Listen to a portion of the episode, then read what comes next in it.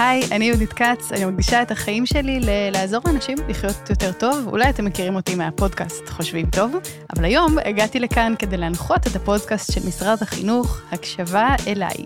מזמינה אתכם להצטרף אלינו ולקבל כלים להתמודדות עם בעיות התנהגות. אז ברוכים הבאים, מורות, מורים, מנהלות, מנהלים, גננות, גננים, ואם אתם אנשי חינוך מכל סוג שהוא, ברוכים הבאים לפודקאסט הזה. בפרק הקודם התמקדנו בעיקר בעצמנו, אנשי החינוך, במה קורה לנו כמורים, מורות, גננים, גננות, כשאנחנו פוגשים הפרעת התנהגות, כשאנחנו מרגישים מותקפים. היום אנחנו נצלול עוד פנימה ונדבר על הסיבות לבעיית התנהגות. מה קורה מתחת לפני השטח שבסוף מייצר את בעיית ההתנהגות? מה קורה בסביבה החינוכית? מה קורה בבית? ועוד שאלות שנשאל היום. ובהקשר הזה, אני שמחה לארח כאן את ליאת דותן. שלום. היי יהודית. ברוכה הבאה. תודה רבה, תודה שהזמנת אותי. תודה שהזמנתם אותי. מה, מה שלומך? מצוין, אני מתרגשת להעביר את הידע המשמעותי והחשוב הזה בנושא של התמודדות עם בעיות התנהגות.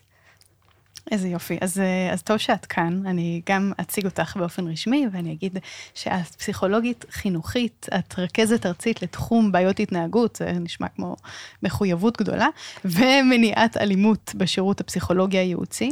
את מרכזת את המערך הטיפולי לילדים עם בעיות התנהגות, שנקרא בקיצור מיטיבה. אז ברוכה הבאה. תודה רבה. תגידי, מה, מה זה אומר אה, שאת מה, מה זה ביום-יום? איך החיים שלך נראים? קודם כל אני אקדים ואומר שבאמת אה, הנושא של בעיות התנהגות זה נושא שמאוד קרוב לליבי, אני עוסקת בו הרבה מאוד שנים ואני מאוד מאוד מאוד אוהבת את התחום הזה. אני מרכזת את תוכנית מיטיבה, שזה מערך ארצי שמופעל ב-33 אה, שירותים פסיכולוגיים ברחבי הארץ, זו תוכנית שנותנת מענה לילדים בקבוצות קטנות, נותנת מענה להורים שלהם בטיפול פרטני, ונותנת ליווי ותמיכה לצוותי החינוך. אה, התוכנית הזו מבוססת על המודל הרב-ממדי שאותו אני אציג היום, מודל לטיפול בבעיות התנהגות. אה, ומתוך המודל הזה ככה נפרוט את זה לכלים של מה עושים עם הסיפור הזה, מה עושים עם בעיות ההתנהגות. בנושא הזה אמנם אין פתרונות קסם, אני לא אפתיע אתכם, אבל יש עקרונות שעובדים ואפשר ליישם אותם בשטח.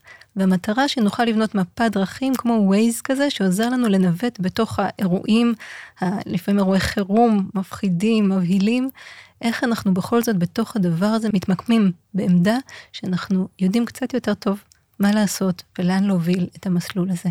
בדרך לצמצום האלימות ובעיות ההתנהגות. אוקיי, okay, אז יש לך דוגמה למקרה שאנחנו יכולות ללמוד ממנו?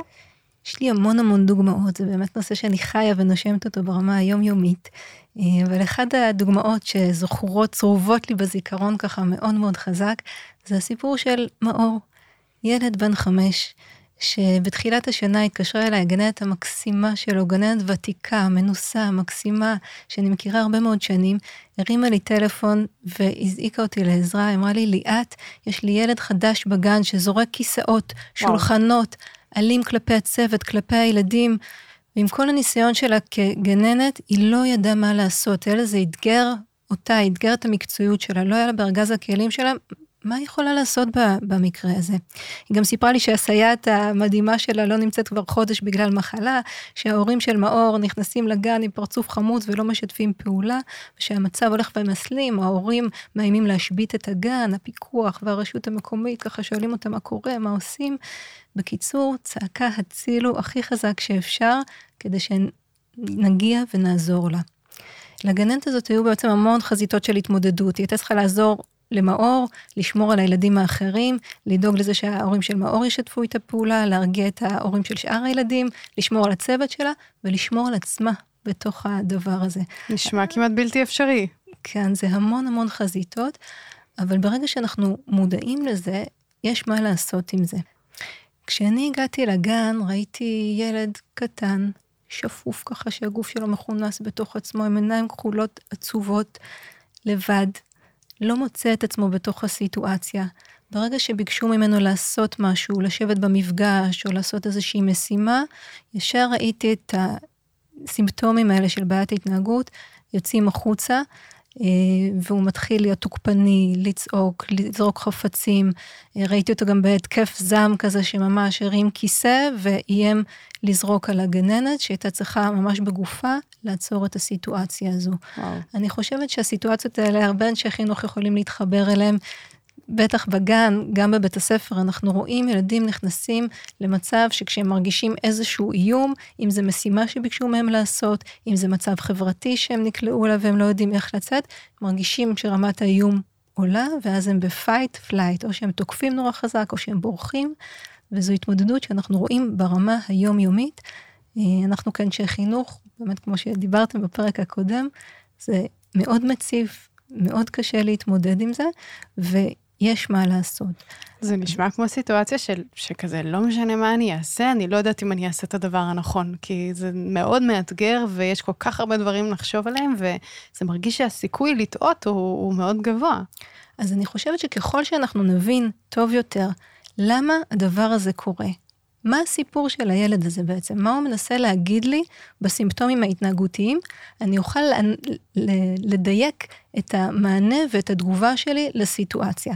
כשלמשל אותה גננת הזעיקה אותי לגן, הדבר הראשון שאני עושה בסיטואציה כזו, זה מנסה להבין כמו שהם מזמינים אמבולנס ויש פרמדיק שמנסה להבין מה הבעיה, מה קורה פה כדי להתאים את הטיפול המדויק, ככה גם אני כפסיכולוגית כשאני נכנסת לאירוע, ככה הייתי רוצה לעזור לגננת, למורה, למנהלת, ליועצת, לשאול מה הסיפור של הילד הזה. כי חשוב לזכור שהסימפטומים ההתנהגותיים הם רק קצה הקרחון, mm. זה החלק הגלוי, זה מה שאנחנו רואים, את האלימות, את התוקפנות, את הקללות, אה, זה מה שאנחנו רואים כלפי חוץ. מתחת לקצה הקרחון יש עולם תוכן שלם שהוא סמוי מהעיניים שלנו, אבל הוא שם והוא קיים, ואלו הגורמים לסימפטומים ההתנהגותיים שאנחנו רואים, ובעצם הילד מדבר את, ה, אה, את הרגשות שלו דרך ההתנהגות. Mm. ההתנהגות שהיא תוקפנית, והיא לא מגייסת אמפתיה אליו, היא מאוד מאוד מרגיזה, והיא מאוד מאוד אה, אה, גורמת לנו לרצות להתרחק ממנו או להרחיק אותו, אבל בעצם אנחנו חייבים לזכור שהסימפטומים ההתנהגותיים זה בעצם קריאה לעזרה של הצילו, תראו אותי, קשה לי, משהו כאן לא בסדר, אני צריך את העזרה שלכם. וברגע שאנחנו מבינים את זה כקריאה לעזרה, אנחנו יכולים להיות שם. אה, להבין מה הוא אומר לנו, וחלק מהתפקיד שלנו, אחרי שהבנו, תכף ננסה להבין באמת מה זה אומר, אבל אחרי שהבנו מה זה אומר, זה לתת מילים למה שקורה. זאת אומרת, לעזור לילד לדבר במילים את הרגשות שלו, את הקשיים שלו, לבקש עזרה במילים, ולא בסימפטומים ההתנהגותיים, זו בעצם המטרה שאליה כן. אנחנו מכוונים. אז את בעצם אומרת שאנחנו רואים איזשהו מופע, אנחנו רואים את ההתנהגות, וזה מה שמפתה אותנו להגיב עליו, כי זה נורא בועט וצועק ובוער לנו מול העיניים, והדבר הכי טוב שאנחנו יכולים לעשות זה לקחת עכשיו צינור ולכבות את האש הזאת. את אומרת, רגע, רגע, רגע, רגע, מאחורי התמונה הזאת שאנחנו רואים כרגע, של ילד שזורק כיסא, או ילד שיושב בצד, או ילד שמקלל, או לא משנה מה, מסתתר עולם שלם שאם אנחנו היינו מבינים אותו, אז היינו ניגשים לסיטואציה אחרת. ואנחנו בעצם צריכים לחפש איזה עיני רנטגן, כי אנחנו מדברים על לראות משהו שאי אפשר לראות, נכון? ממש, ממש. זה, זה לנסות ולהבין את פשר ההתנהגות. זאת אומרת, אם הייתי רוצה שתצרב לנו תמונה בראש, זו תמונה של קצה הקרחון שאותו אנחנו רואים, ואנחנו לובשים שם איזה חליפת צלילה לחליפת הגנה וצוללים מתחת ומנסים להבין מה יש שם. למה זה חשוב להבין מה יש שם? כי כשאני מספר לעצמי סיפור על הילד, זה מאוד משפיע על האופן שבו אני אגיב ואני אתייחס אליו. זאת אומרת, אם אני, הנרטיב שיש לי בראש, זה הילד הזה קם בבוקר והוא רוצה לעשות לי דווקא. הוא פשוט רוצה שהיום שלי יהיה יום נורא. אני אגיב אליו בצורה שונה, הוא ממש לא מגייס את האמפתיה שלי, אני אכעס, אני אוציא אותו מהכיתה, אבל לעומת זאת, אם אני אספר לעצמי סיפור אחר, שהילד הזה סובל כי בבית ההורים שלו התגרשו ומאוד קשה לו, אה, והוא מגיע לכיתה והוא מאוד סוער והוא מוציא את התסכול שלו בעצם בכיתה, זה יגייס קצת יותר אמפתיה. עכשיו, שלא נתבלבל, זה שאני אומרת שזה מגייס אמפתיה, זה לא אומר שאני מצדיקה את ההתנהגות של הילד. וזה מאוד מאוד חשוב לעשות את ההבחנה בין אמפתיה והבנה לפשר ההתנהגות של הילד, לבין קבלה של ההתנהגות. אנחנו לא מקבלים את ההתנהגות, אנחנו מבינים ומקבלים את הרגשות שעומדים בבסיס ההתנהגות, ועוזרים לילד להביע את זה בצורה אחרת. כן, זאת אומרת, יש הבדל בין רגש להתנהגות, וזה מסר שחשוב להדגיש אותו. רגש, אנחנו מקבלים הכל, אפשר לכעוס, אפשר לכאוב, אפשר להיות עצובים, אפשר להיות שמחים, אפשר להתרגש, אפשר הכל, אבל אנחנו לא מקבלים אלימות, אה, קללות, אה, זריקה של כיסאות, או כל דבר כזה. בדיוק. וזה איזה מקום שהוא קצת עדין בתוכנו, כי הרבה פעמים זה מתערבב לנו, הרגש וה, וההתנהגות. נכון, ולכן חשוב נורא שנהיה מודעים לזה. זה שאנחנו עכשיו כמו בלשים בודקים למה הילד מתנהג כמו, כמו שהוא מתנהג, זה לא אומר שאנחנו מקבלים את ההתנהגות, ואנחנו בעמדה שאנחנו עוזרים לילד איך להביע את עצמו אחרת, ותכף נדבר על איך עושים את זה. כן. אבל לפני זה אנחנו צריכים להבין מה יש שם מתחת לקצה הקרחון, מה יכול להיות. עכשיו, המודל שאני רוצה להציג היום הוא בעצם מודל רב-ממדי. למה הוא נקרא מודל רב-ממדי לטיפול בבעיות התנהגות? זה בגלל שיש כמה מעגלי השפעה שמשפיעים על הגורמים, שהם חלק מהגורמים, אפשר לחלק את זה ממש לשלוש קבוצות. קבוצה ראשונה זה המאפיינים המולדים של הילד. אנחנו כולנו יודעים, כל ילד נולד עם המאפיינים שלו. כשחלקנו היינו בחופשת לידה, אז חלק זה חופשת לידה וחלק זה סערת mm-hmm. תקופה הכי סוערת, כי הילד נולד עם טמפרמנט יותר קשה למשל. ואנחנו יודעים, אפילו כשרואים תאומים נולדים, אז אחד יכול להיות רגוע ואחד יכול להיות מאוד סוער. ואלו החלקים המולדים של הילד. יכול להיות שם אה, טמפרמנט, יכול להיות שם קושי בוויסות התחושתי, שנורא קשה לו אה, כשיש רעשים או כשיש מגע עוצמתי.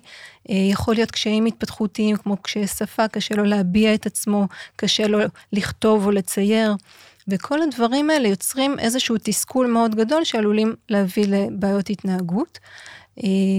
למשל, אה, זכור לי דוגמה של ילד שהיה לו נורא נורא קשה לכתוב, וכל פעם שהמורה ביקשה ממנו לכתוב בכיתה, הוא היה הופך להיות ליצן הכיתה, ולעשות ממש, כאילו, היא לא נתנה לה להעביר שיעור, עד שהיא הבינה שזה פשוט נובע מתוך קושי, שהילד הזה לא מצליח לכתוב, ואז היא יכלה להפנות אותו באמת לשיעור הפרטני, שבו עבדו איתו באופן אישי, ולא היה קהל, והוא לא היה צריך להיות ליצן, פשוט היה יכול לקבל את העזרה למצוקה שלו, לדבר את זה, וידעה לא לדרוש ממנו את זה בכיתה. כדי לא להביא אותו למצבי תסכול ולהתאים את הדרישה ליכולת שלו, וזה מה שעזר לעשות שם שינוי. כן, זה, זה מאוד מתחבר למה שעלה בפרק הקודם עם אורנה, כשדיברנו על המקום הזה של הפיצול שאנחנו עושים, על הטובים והרעים, ואני חושבת שגם כאן מאוד קל לבוא לילד כזה ולהגיד, טוב, זה, זה ילד רע, זה ילד עם בעיות התנהגות.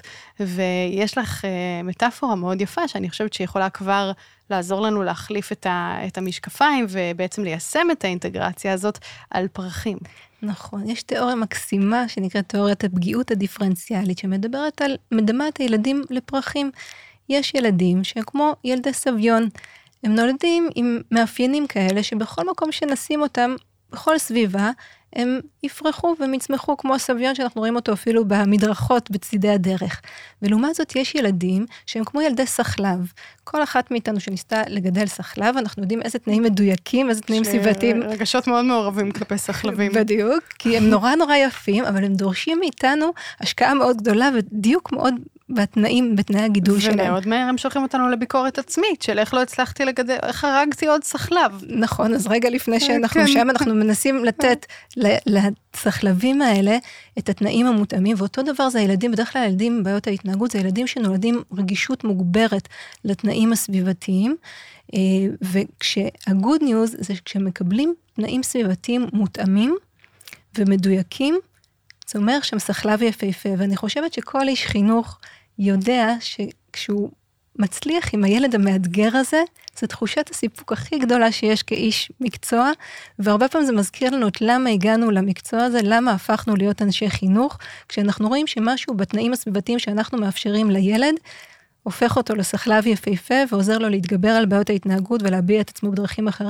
אחרות ולפרוח. כן. זה, זה הסיבה שלשמה התכנסנו והגענו ממש. למקצוע הזה, וזה תחושת הסיפוק והמשמעות, ואם אנחנו מדברים על גורמי חוסן, אז זה גם גורם חוסן עבור הילד, וגם גורם חוסן עבור איש החינוך, שזה ממש מונע שחיקה. כשאני רואה את ההצלחות האלה בצד הקשיים, שאני מצליח להתמודד עם הקשיים, זה נותן לי משמעות, ו, אה, וממש עוזר לי אה, להמשיך ו, ולהביא את הפאשן שלי למקצוע. זה מזכיר לי את הסיפור של מרווה קולינס, שממש נראה לי מתחבר לנו בול לסחלבים פה, כי מרווה קולינס הייתה אישה כהת עור בשנות ה-30 בעיר הרשע והפשע שיקגו, ממש כזה התנאים על... לא טובים להיוולד אליהם, והיה לה מעמד חברתי מאוד נחות, והיא בכל זאת רצתה ללמד, שזה היה כבר מהפכני. והיא הגיעה לבית ספר עם באמת שאיפות אה, מינימליות ביותר, רק להחזיק את התלמידים פיזית בכותלי בית הספר, כי אחרת הם גונבים, מוכרים סמים, לוקחים סמים, רק שיהיו פיזית בכיתה זה הכל, כי ללמוד זה בכלל לא אופציה אה, מבחינת התלמידים האלה. והיא קיבלה את הכיתה שלה, והיא התחילה ללמד אותם, ופתאום ראו שהיא מצליחה ללמד משוואות דיפרנציאליות בגיל 13, ולקרוא שייקספיר בגיל 10, ודברים שעדיין הכיתות המקבילות סמים ברחובות, אוקיי? זה, זה עדיין המצב. ואז התחילו שמועות שאמרו שהיא כנראה מתעללת בילדים, שאין סיכוי שהיא באמת יכולה לקחת תלמידים כאלה שאי אפשר ללמד אותם כלום וללמד אותם. ואז היא עושה מעשה, פותחת בית ספר פרטי משלה, מתפטרת, פותחת בית ספר פרטי משלה, ומקבלת את התלמידים שנזרקו מהבית ספר של התלמידים שאי אפשר ללמד. וגם איתם היא מצליחה ללמד אותם, מצליחה ללמד כל אחד. וכשהיא, וכולם שם מסיימים בגרות, הולכים לאוניברסיטה, כזה. וכשהיא מספרת מה היא עשתה, היא אומרת, אני ראיתי ילדים דרך החוזקות שלהם. אני הסתכלתי על כל ילד, כמו על הסחלב הזה שאת מתארת, ואני שאלתי את עצמי, במה ליאת שיושבת מולי, מה מדליק אותה? מה היא אוהבת לעשות? איך אני מחברת את זה? וזה בדיוק המקום הזה שאני צריכה באמת להסתכל על הילד כדי לדעת איך לעבוד איתו. ויש ילדים שאיתם אני יכולה פשוט כזה להכניס אותם למערכת הרגילה, והם יסתדרו ויהיו סבבה, ויש ילדים שאם אני לא אעשה את זה, אז בעיות התנהגות, פשעים, אה, בעיות חברתיות, וזה רק מתחיל. זה סיפור מקסים, ואני חושבת שמה שאת מספרת זה מתאים לכל ילד, ועל אחת כמה לילדי הסחלב. וזה בדיוק השילוב בין המאפיינים המולדים של הילד לבין הסביבה המיטיבה, ואלו בעצם, זה בעצם המודל הרב-ממדי שמדבר על המאפיינים של הילד ועל המאפיינים הסביבתיים, שהמעגל שעוטף את הילד, המעגל הראשוני, זה המעגל המשפחתי, והמעגל הבא אחריו זה המעגל המערכתי, אם זה הגן או מערכת בית הספר, והמאפיינים יכולים להיות גורמי חוסן או גורמי סיכון. יש מודל שנקרא מודל השדים שמדבר על זה שיש כמו מפלי מים קטנים, שכשיש מעט גורמי סיכון, אז גם יכול להיות מעט בעיות התנהגות והעוצמה שלהם תהיה חלשה. וכשיש הרבה גורמי סיכון, אם זה המאפיינים של ילד, המאפיינים המשפחתיים, המאפיינים של בית הספר שהם יכולים להיות קשים או טובים, אה, כשיש הרבה גורמי סיכון, אז בעיית ההתנהגות תלך ותהיה עצומה יותר, ואותו דבר זה גם גורמי חוסן, זאת אומרת, אותה אה, בחורה שאת תיארת אותה, הייתה גורם חוסן, כי הייתה גורם מיטיב בתוך המערכת שסיפקה לילד, היא ראתה אותו בעיניים טובות, שזה אחד הכלים המאוד מאוד משמעותיים, באמת לראות את החוזקות של ילד ולהעצים אותם, לתת לילד לחוות את עצמו בטוב, כי הרבה פעמים הילדים האלה חווים את עצמם בצורה מאוד מאוד שלילית.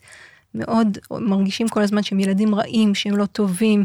לפעמים אנחנו נראה גם בציורי הילדים, ממש השחרה של הילד עצמו, הם יכולים להגיד על עצמם, ילד רע, ילד... אה, בואי ננסה רגע לקחת את מאור בתור דוגמה. אם את מסתכלת על גורמים שונים שבנו את בעיית ההתנהגות שלו, תני לנו רגע את ההצצה מתחת לפני המים. אז למשל במקרה של מאור, כשנכנסתי לגן וראיתי אותו, וראיתי ילד מפוחד, ודיברתי על הקשיים אה, בעצם אה, דידקטיים, בוא נאמר ככה, זאת אומרת, היה שם קושי שפתי, והיה לא, לו קשה להביע את עצמו. ראיתי גם סימנים של הפרעת קשב שהיה קשה לו לשבת. ראיתי קושי בהבנה החברתית, זאת אומרת, מאור הוא מאחד, הוא ילד שפירש את המצבים החברתיים בצורה שהיא לא הייתה אה, באמת נכונה. אפילו כשילד הסתכל עליו, אפילו כשילד רצה לשחק איתו, אז הוא הרגיש כאילו הוא מותקף. יש הרבה ילדים כאלה שאומרים, הוא הסתכל עליי, את מכירה את זה? הוא הסתכל עליי, כן. ואז הילד נכנס ללחץ, ואז הוא מתקיף. ואז שם צריך המון תיווך של להסביר לו, לפרש נכון את המצבים החברתיים, הוא יסתכל עליך כי הוא רצה לשחק איתך, לא כי הוא רצה לתקוף אותך. עכשיו, המעגל השני, אלו בעצם היו מאפיינים המולדים של מאור, אבל מאור גם גדל במשפחה מאוד מורכבת. אה, כשהכרתי את ההורים של מאור, הבנתי שאני מכירה אותם כבר מסיפור קודם, הם היו אצלי עם האח הגדול בתוכנית מיטיבה. Mm, אותו ילד מסיפור אחר. נכון, מאותה משפחה, ילד גדול יותר, שבאותה תקופה, בפעם הראשונה שהמשפחה הזו הגיעה, היה קצת יותר קשה, כי האבא בכלל בכלל לא שיתף פעולה. הוא אמר לי, אני מכיר אתכם, את מערכת החינוך, אני גם הייתי ילד mm. כזה. אני ישבתי אצל המנהלת עם אבא שלי, ואחר כך חטפתי מכות מאבא שלי, אני לא מתעסק איתכם עם מערכת החינוך. זה מה שאבא של מאור אמר לי בסיבוב הראשון שהכרתי אותו. בסיבוב השני, כשנכנסתי כבר כאן, האימא של מאור אמרה לאבא, זה או שאתה מגיע איתי להדרכת הורים, או שאנחנו נפרדים. וואו. כי היא הבינה שהסיפור של הילד הגדול שהגיע לבית ספר לבעיות התנהגות לא היה טוב, הם לא עצרו, הם לא טיפלו בזה כמו שצריך בזמן, והיא אמרה, אנחנו לא מפספסים הפעם את ההזדמנות הזאת של לשתף פעולה. והאבא הזה של מאור, עם כל הקושי, היה מגיע אחרי לילות שהוא היה עובד כטבח ולא ישן, היה מגיע בשמונה בבוקר, אמנם קצת מנקר בהדרכת ההורים, אבל עדיין מגיע בזכות האימא, בזכות זה שהוא לא רצה לפרק את המשפחה שלו, הגיע והקשיב והבין מה הסיפור של הילד שלו. הוא לא הבין שכשהוא מתנהג למאור, כמו שאבא שלו התנהג אליו בנוקשות מאוד מאוד קיצונית, כשהוא מתנהג לא יפה, הוא בעצם מייצר בעיית התנהגות. זאת אומרת, אחד הסימפטומים במאפיינים המשפחתיים זה לפעמים הורות מאוד נוקשה, או לחילופין הורות מאוד מתירנית. פסיכולוג חיים עמית קרא לזה נבוט או סמרטוט, או שאני mm. נכנס נורא חזק בילד, או שאני מאפשר לו לעשות מה שהוא רוצה. ומה שעובד וגם פה... וגם החלפה ביניהם, את אומרת. וגם חוסר יציבות. כן. ומה שעובד פה זה האיזון. ההורים של מאור למדו איך לאזן בין הנבוט לסמרטוט. זאת אומרת, זה, זה בעצם גורם חוסן. כשההורים נותנים מצד אחד יד עוטפת ו, ומכילה ותומכת, ומצד שני יד מכוונת. זה בדיוק הסיפור של הכלה מול לא מול, אלא יחד עם הגבולות. או, אז כבר, כבר להבין את הרגישויות של מאור ואת המשפחה שממנה מגיע, כבר אני כזה, הלב שלי הרבה יותר יוצא אליו, כי אני בדיוק, שזה הסיפור שם. מה הוא ישן בלילה. נכון, וזה הסיפור גם של העברה בין דורית הרבה פעמים. הרבה פעמים כשאנחנו נתקלים בהורים שמתנגדים לשתף פעולה עם מערכת החינוך, זה מתוך פגיעות מאוד גדולה שלהם, ומתוך חרדה ומתוך קושי, שהם עוד פעם שומעים את הגננת, את המורה, בואי, תבואי עכשיו, תיקחי את הילד שלי, ו, אה, ותיקחי אותו הביתה, זה, זה משהו, זו חוויה שהיא מאוד מאוד מתקיפה את ההורים, ומאוד קשה להם להיות אמפתיים גם לגננת או למורה. אה, ולכן, כשאנחנו מדברים על גורמי, גורמי הסיכון האלה, או גורמי החוסן לחילופין, אנחנו צריכים גם לעבוד על קשרים בין הממדים השונים. זאת אומרת, הקשר בין הממד של המשפחה לבין הממד של המערכת. הקשר בין הילד לבין ה... אה, הגננת או המחנכת. זאת אומרת, יש פה את השלושת הממדים האלה, ילד, הורים, מערכת, שאנחנו יודעים כאן חינוך מאוד טוב, אה, שאלו הממדים שעליהם מושתתת העבודה שלנו, אבל גם החיבורים ביניהם. אנחנו... זה נורא קשה, כי אנחנו כל כך רגילים להסתכל על מה שאנחנו רואים, נכון? מבחינת גננת או מבחינת מורה, יש לה את ה... שמונה שעות האלה ביום עם הילד, שבע שעות, חמש שעות, ו- וזה כבר המון, נכון? שהיא רואה. אז כל התפיסת עולם שלה על אותו ילד זה, זה זה, נכון? ולשאול על מה קורה בבית, תיאורטית זה ברור, אבל פרקטית זה לא החוויה שלי, זה לא הידע החווייתי שלי. זה מין ידע תיאורטי כזה של כזה, כן, דברים יכולים לקרות בבית, אבל אני לא מרגישה את זה. נכון, אני חושבת שכשאנחנו צוללים לעומקו של הסיפור, זה שוב הופך אותי כגננת או כמורה להרגיש הרבה יותר משמעותית. אני, אני יכולה להגיד באופן אישי שאני מלווה צוותי חינוך שממש עושים שינוי כל כך משמעותי בחיים של הילדים, וזו חוויה מאוד מאוד מרגשת. אנחנו באמת מדברים על העטיפות המשפחתית, המערכתית, אז פה בגן של מאור לדוגמה, אה, הגננת הבינה שהיא גם נורא במצוקה כי הסייעת שלה הייתה חולה, ואז אנחנו הבאנו סייעת נוספת שבאמת הייתה עזר כנגדה, והיא אה, יצרה לעצמה את מעגל התמיכה בתוך המערכת, וזה אפשר לה ליצור אקלים יותר חיובי בגן, כי אחד מגורמי הסיכון זה באמת כשהאקלים הוא מאוד סוער, כשאין יציבות בצוות, כשיש צפיפות, כשיש רעב, כשיש עייפות. אה, כשאין, למשל, אחד מגורמי החוסן זה כישורי ניהול כיתה, או אמפתיה של הצוות לילד, או הקשר בין ילד לבין הצוות, אלו דברים שיכולים, שוב, לקחת את זה למקום שלילי, או לקחת את זה למקום כן. חיובי. אז את אומרת, נגיד במקרה של מאור, זה שאותה סייעת שהוא היה מאוד מחובר אליה עזבה, זה נחשב גורם סביבתי? לגמרי, זה גורם, גורם סביבתי, שפה מכיוון שהסייעת עזבה והבנו שזה היה מאוד משמעותי בשבילו, זה היה גורם סיכון שהעצים את בעיית ההתנהגות, וברגע שהכנסנו סייעת שעזרנו לה לעבוד על קשר בטוח עם האור, זה הוביל למקום חיובי יותר, ועזר לו להתמודד עם בעיות ההתנהגות, ועזר לאקלים של הגן להיות רגוע יותר. זאת אומרת, דבר קשור בדבר. ומה שהייתי רוצה לעזור בעצם לאנשים שמקשיבים לנו זה לעשות כמו זום אאוט ולהבין כאילו אנחנו מתבודדים באיזשהו סרט ואנחנו צריכים להבין מה הסיפור פה וככל שאנחנו נהיה מודעים יותר לסיפור אז גם זה יעזור לנו להבין, להיות אמפתיים ולהתייחס באופן שונה ולהגיב באופן שונה לסיטואציה וגם יעזור לנו לתת מילים גם עבור הילד כמו מתורגמנית בסרט, ממש לתת מילים למה שקורה. אני רואה שעכשיו החבר עצבן אותך, אה, בוא לשקף לילד מה החבר התכוון, ממש לעשות תיווך כזה במילים שמסביר את הסיפור, גם כשאני מדברת עם הורים, כשאנחנו יושבים בישיבת צוות משותפת, שזה אחד הדברים מאוד חשובים כדי לעשות חיבורים וגשרים, אה, לדבר ביחד מה הסיפור, איך אנחנו מבינים את הסיפור של הילד הזה, כי הרבה פעמים זה פינג פונג של אשמה והאשמה בסיפור של בעיות ההתנהגות, ואנחנו צריכים להבין שאין פה אשם או נאשם, אלא אנחנו כולנו ביחד. זה המשפט הזה שטקסט... זה... כולם בשביל אחד ואחד בשביל כולם. נכון, כן. ושצריך כפר שלם בשביל כן. לגדל ילד, אז באמת באמת צריך כפר שלם בשביל לגדל ילד. אנחנו צריכים ליצור את המכלי החזקה האלה של הביחד, של ליצור את האמון, את השפה המשותפת, קודם כל עם ההורים, כי אלו המכלים שעוזרים לילד.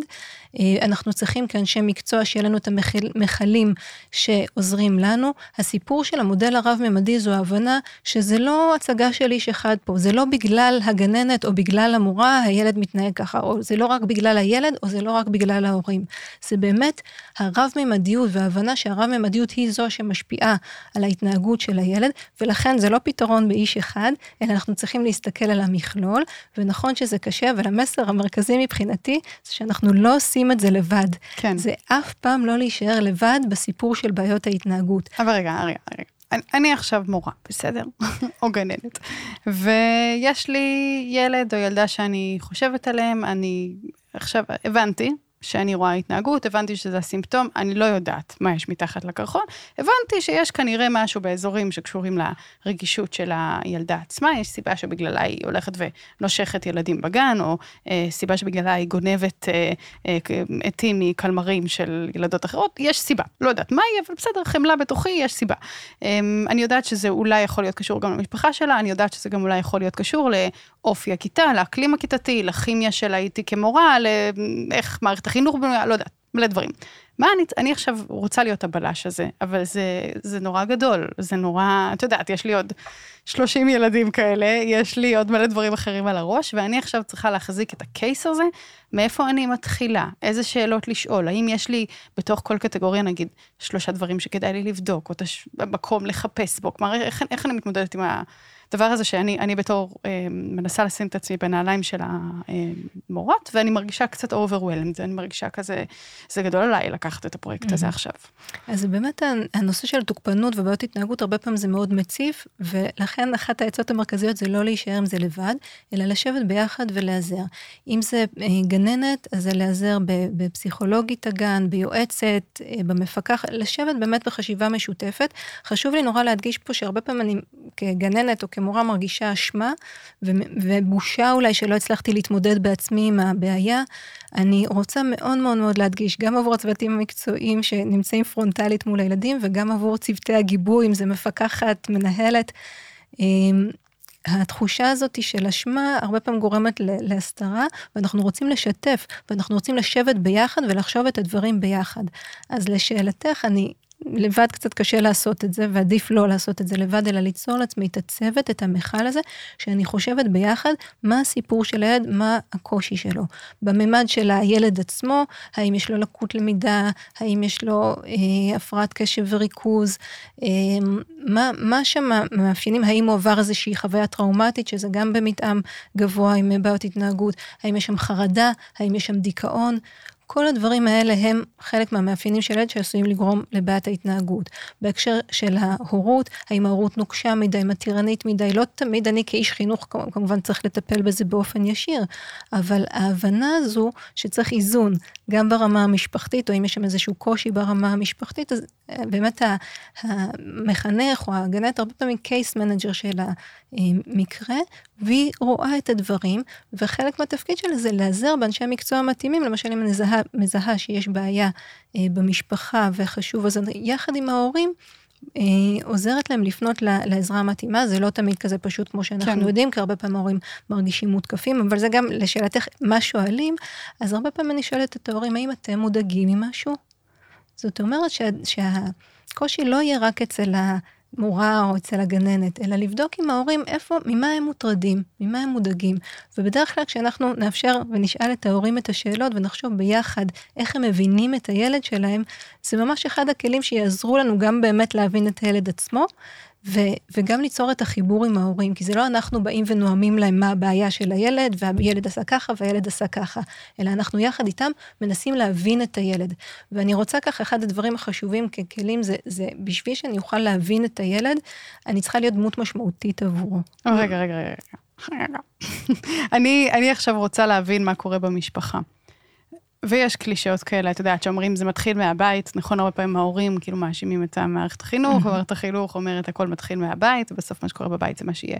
מה הם השלושה דברים הכי מרכזיים שצריך לחשוד בהם, הכי נפוצים, כלומר, את יודעת, הדברים שאנחנו יודעים שכשהם קורים בבית, אנחנו כנראה נראה בעיות שקורות בכיתה.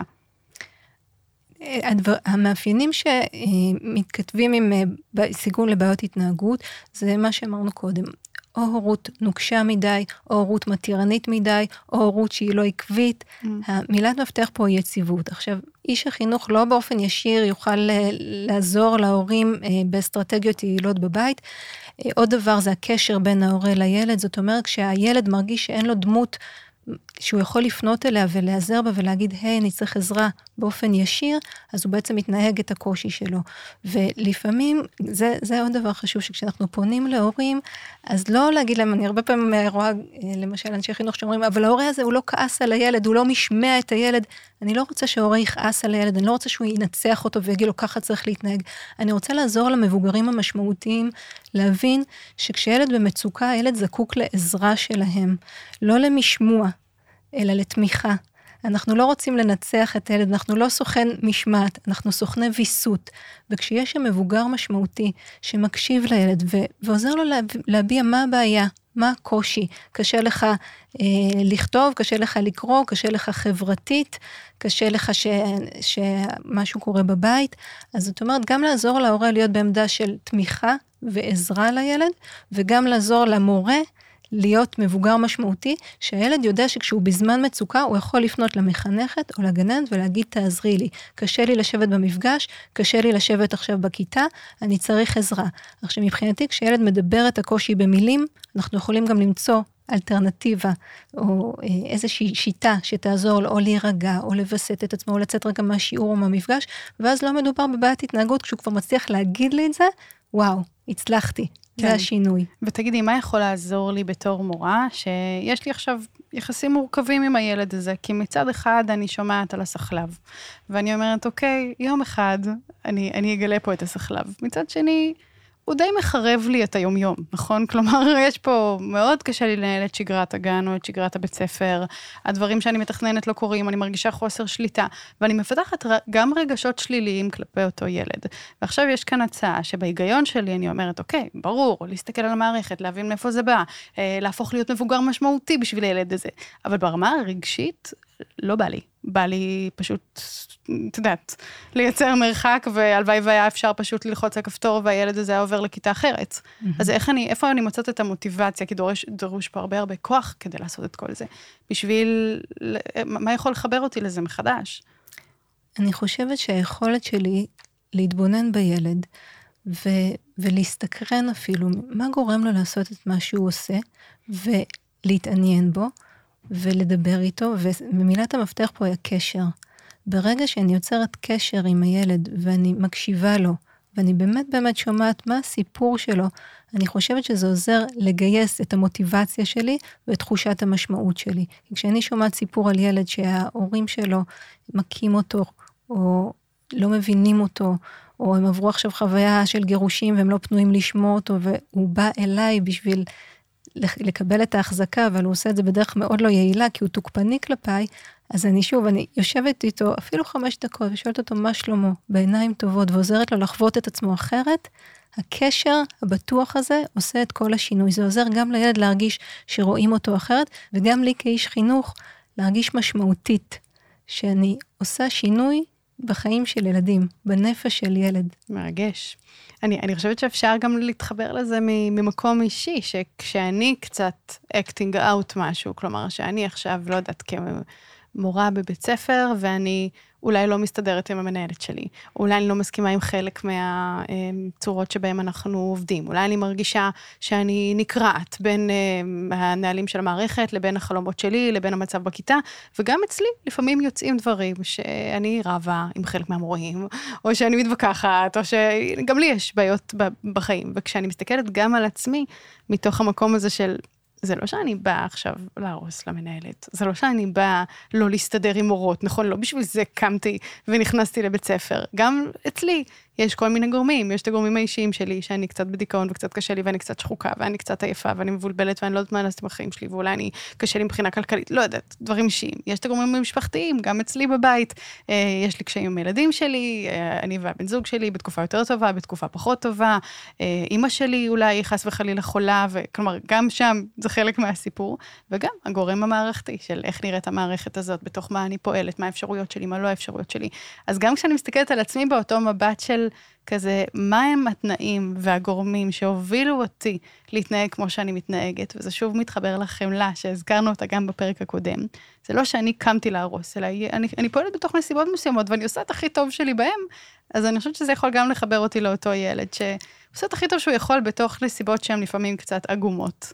לגמרי, ולזכור שזה בתהליכים מקבילים. זאת אומרת, כמו שמאור צעק הצילו, הגננת שלו צעקה הצילו, וכמו שדיברנו על דמות התקשרות עבור הילד בטוחה שיוצרת קשר ומכל, גם אנחנו כאנשי חינוך צריכים לראות מי דמויות ההתקשרות שלנו הבטוחות בתוך המערכת.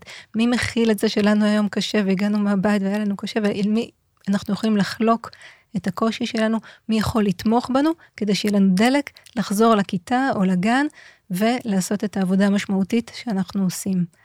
היה, היה מחקר שבעצם בחן ילדים עם בעיות התנהגות באזורים שהם אזורים אה, מעוטי יכולת בצד השני של העולם, ועקבו אחרי ילדים לאורך שנים לראות מי בעצם נשאר למסלול שבעצם הוא נולד עם בעיות, גורמי סיכון, נשאר עם בעיות סיכון, הפך להיות מבוגר, שהוא מבוגר לא יציב, פשיעה, דברים שכאלה, ומי הפכו להיות כאלה שאומנם נולדו לתנאים לא כל כך טובים, אבל הצליחו להתאושש ולהתגבר.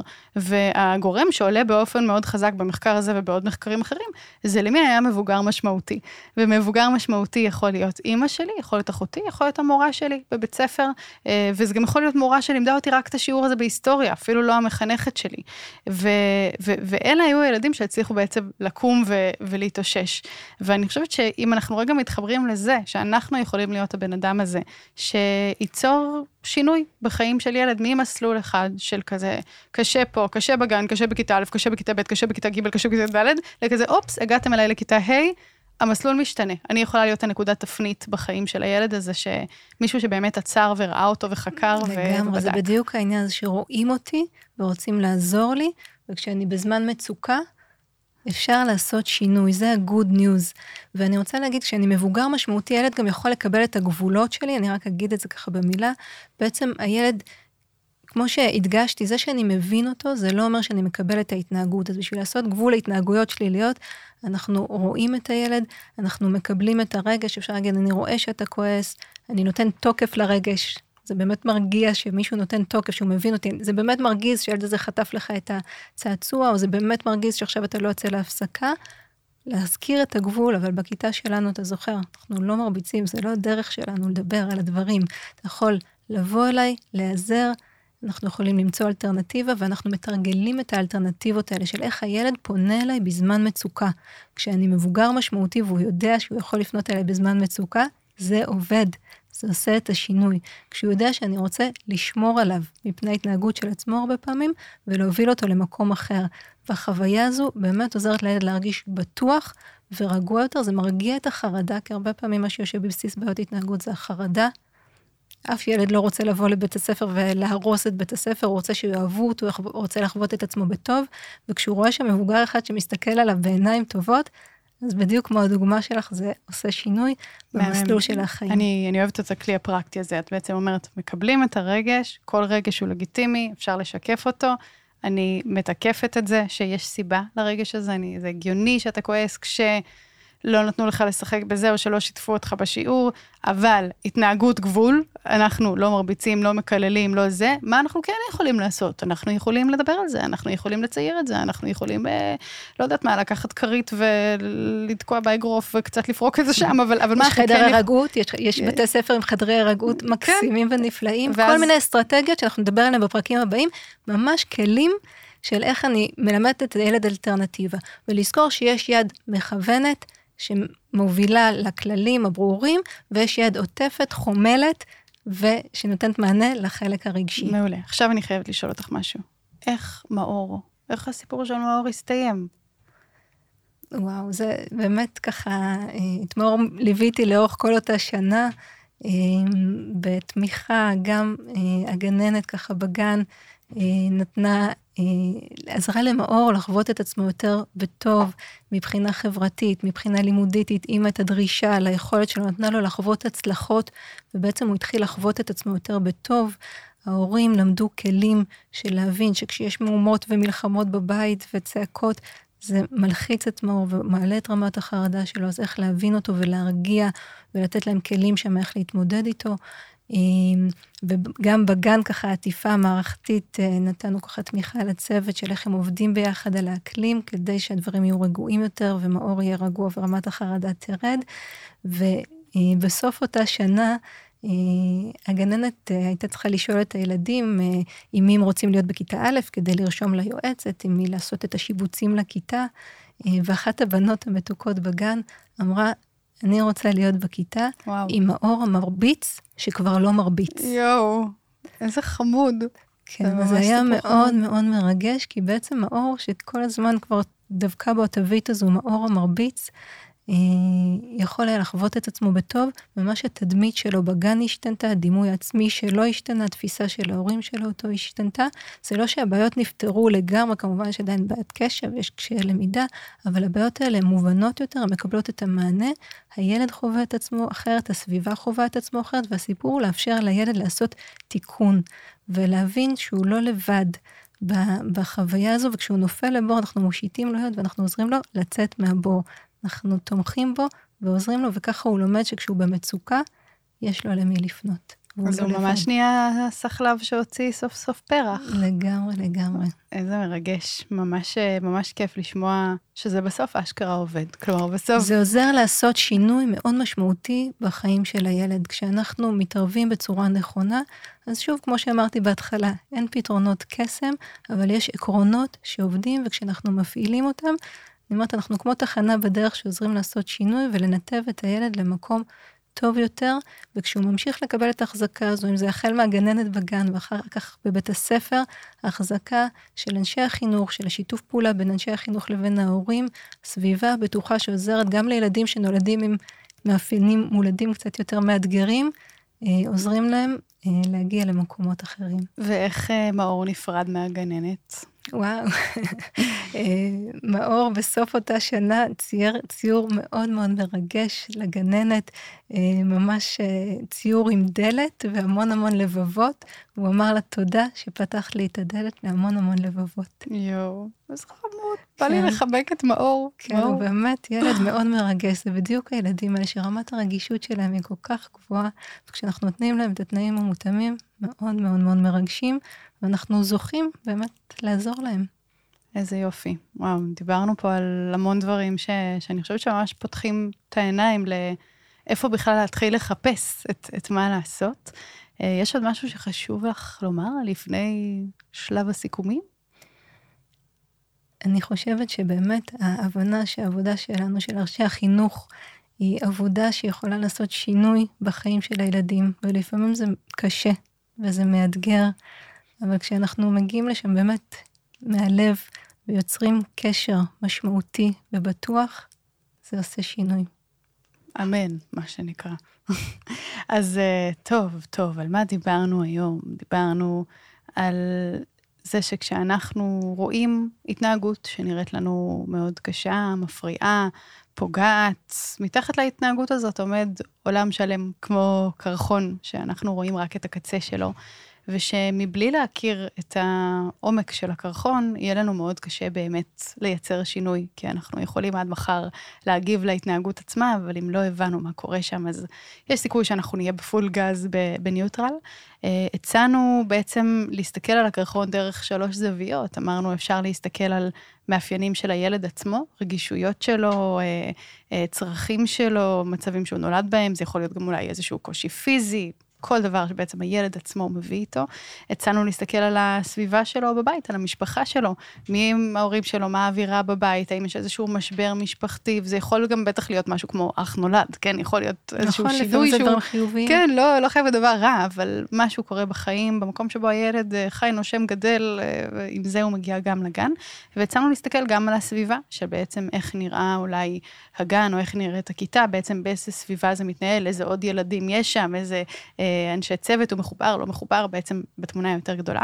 וממש כמו בלש, בלשית, אנחנו יוצאים לעולם ומתחילים לשאול שאלות סקרניות כדי להבין שיש סיבה ללמה ילד מתנהג ככה, הוא לא ילד רע, הוא פשוט, יש משהו שעובר עליו, ו- וזה הדבר הכי משמעותי שיש לגלות מה זה הדבר הזה, ו- ולהיות המבוגר המשמעותי שאומר, אכפת לי, אני פה בשביל הילד הזה, אבל אני לא צריך לעשות את זה לבד, כי אנחנו חלק ממערכת, זה לא צריך להיות על הכתפיים של אותה מורה, כי גם ככה יש לך הרבה על הראש, אז uh, לקבל עזרה, לקבל עזרה משאר הצוות, מהיועצת, מפסיכולוגית, ממנהלת, מהורים. וגם עם ההורים, באמת כולנו ביחד למען אותה מטרה.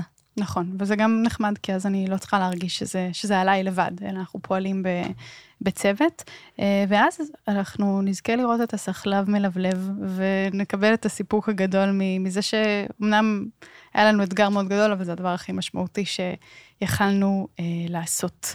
אה, הצענו גם כלי פרקטי לאיך להיות המבוגר, אה, מה שנקרא, האוהב והמכיל, שבעצם להבחין בין התנהגות לבין רגשות. אנחנו לא מקבלים כל התנהגות, אנחנו כן מקבלים כל רגש, אז הצעת בעצם אה, לקבל את הרגש, לתקף אותו, להגיד, אתה כועס, כי ראית שזה קרה, כי לא קיבלת מה שרצית, זה לגיטימי לכעוס, אבל יש חוק, אנחנו לא מרביצים בגן הזה, הדבר שנוכל לעשות מעכשיו זה להשתמש בחדר חדר ההירגעות, בציור, בדיבור וכן הלאה. אז אה, זהו, כיסיתי הכל. מעולה. אז תודה רבה רבה לליאת דותן, שהיית כאן איתנו בפודקאסט הקשבה אליי. את פסיכולוגית חינוכית, רכזת ארצית לתחום בעיות התנהגות ומניעת אלימות בשירות הפסיכולוגי הייעוצי, מרכזת את מיטיבה, המערך הטיפולי לילדים עם בעיות התנהגות. אני מקווה שהיה לך כיף. היה מרתק, יהודית, באמת לי ש... תודה רבה על ההקשבה ועל הדיוק של הדברים. נהניתי מאוד להיות פה. איזה כיף, גם אני ממש נהניתי, ובפרק הבא תהיה כאן ורד גיל מהמינהל הפדגוגי במשרד החינוך, ואיתה אנחנו נדבר על איך ליצור ולתחזק את האקלים הכיתתי, באופן שמאפשר ליצור קשר, להציב גבולות, להתנהג בצורה שהיא טובה גם לנו וגם לאנשים אחרים סביבנו. אני הייתי איתכם יהודית כץ, וניפגש בפרק הבא בפודקאסט של משרד החינוך, הקשבה אליי. יאללה ביי!